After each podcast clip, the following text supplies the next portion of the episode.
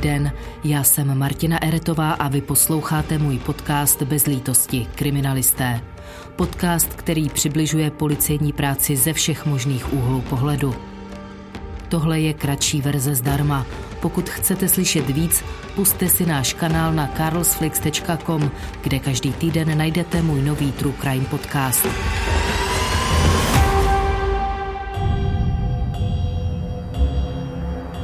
Možná si vzpomínáte na desátý díl podcastu, který vyšel 9. října a jmenoval se Případ fingované sebevraždy. Nadporučík Radek Mudroch v něm vyprávěl o případu z prosince roku 2010, kdy 45-letá žena po domácí hádce zastřelila svého partnera. Aby se vyhnula trestu, vše se pokusila zakamuflovat jako sebevraždu a tvrdila, že když v kuchyni připravovala večeři, její partner se sám zastřelil. Tohle je autentický záznam jejího telefonátu na záchranku poté, co spáchala vraždu. Záchranná služba Prátí Snělá Lenka, dobrý den.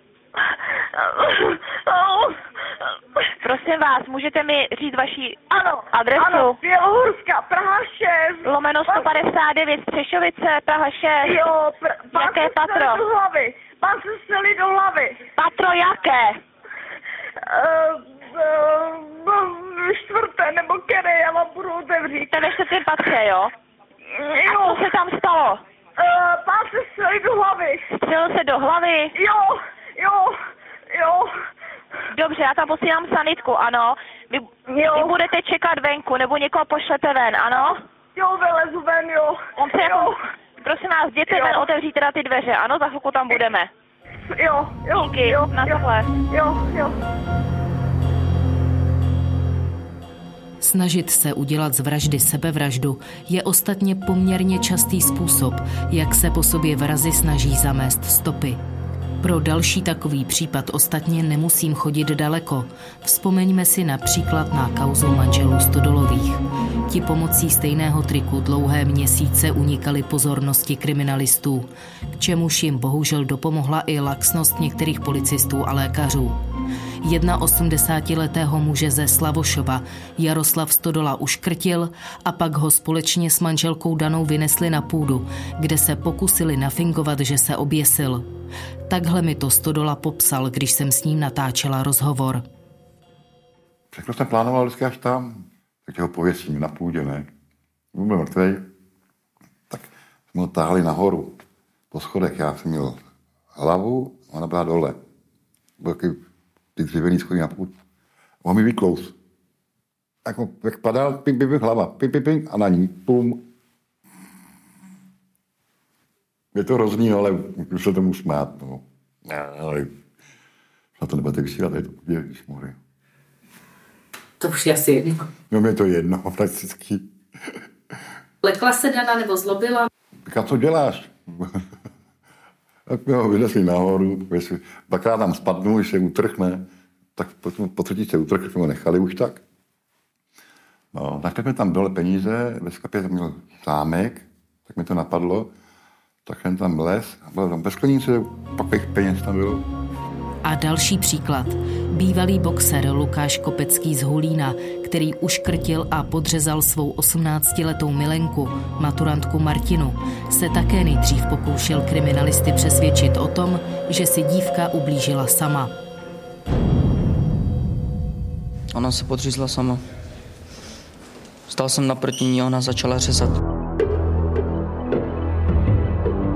Podobných případech, tedy sebevraždách, ze kterých se nakonec vyklubaly vraždy, bych mohla pokračovat dál a dál. Může to ale být někdy naopak? Stává se někdy, že policie něco začne vyšetřovat jako vraždu a ono se pak ukáže, že to vlastně byla sebevražda? O případech vražd, které nakonec vraždami vůbec nebyly, bude vyprávět nadporučík Radek Mudroch, šéf sedmého oddělení obecné kriminality v Praze Římská 1. Sebevraždy vždycky řeší policie a je to z toho důvodu, aby jsme vůbec potvrdili, a že, to, že se jedná o sebevraždu a vyloučili to, že to může být vražda nafinkovaná jako sebevražda, protože je to jeden z motivů nebo jeden, jedna z věcí, jak se někdo občas snaží vraždu zamaskovat a proto ji narfečí jako sebevraždu. A někdy opravdu, když je někdo hodně šikovnej, tak stačí málo a pak to může skončit třeba jako sebevražda. Právě z tohoto důvodu se všechno vyšetřuje. I když to na první pohled vypadá, že je to sebevražda, tak se to vyšetřuje nebo prověřuje se to z začátku, jako kdyby se jednalo o vraždu.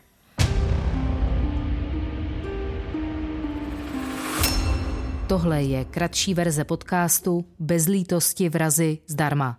Plná je na carlsflix.com. Teď se v podcastu posuneme o kousek dál. Když jsme tam, já jsem vzal tu stejnou lepenku o stejných rozměrech, že jsem byl podobný postavy i jako on. A normálně se mi opravdu a to potvrdilo to, že on si to nejdřív zkoušel, jestli to skutečně jde, proto se ty úvazy našly nejdřív přeřezané eh, v té popelnici a skutečně se mi povedlo za zády si takhle eh, izolačkou svázat ruce, tu izolačkou normálně jakoby eh, uklidit a normálně by jsem si natáhnul smyčku do připravený holana a normálně by jsem se oběsil.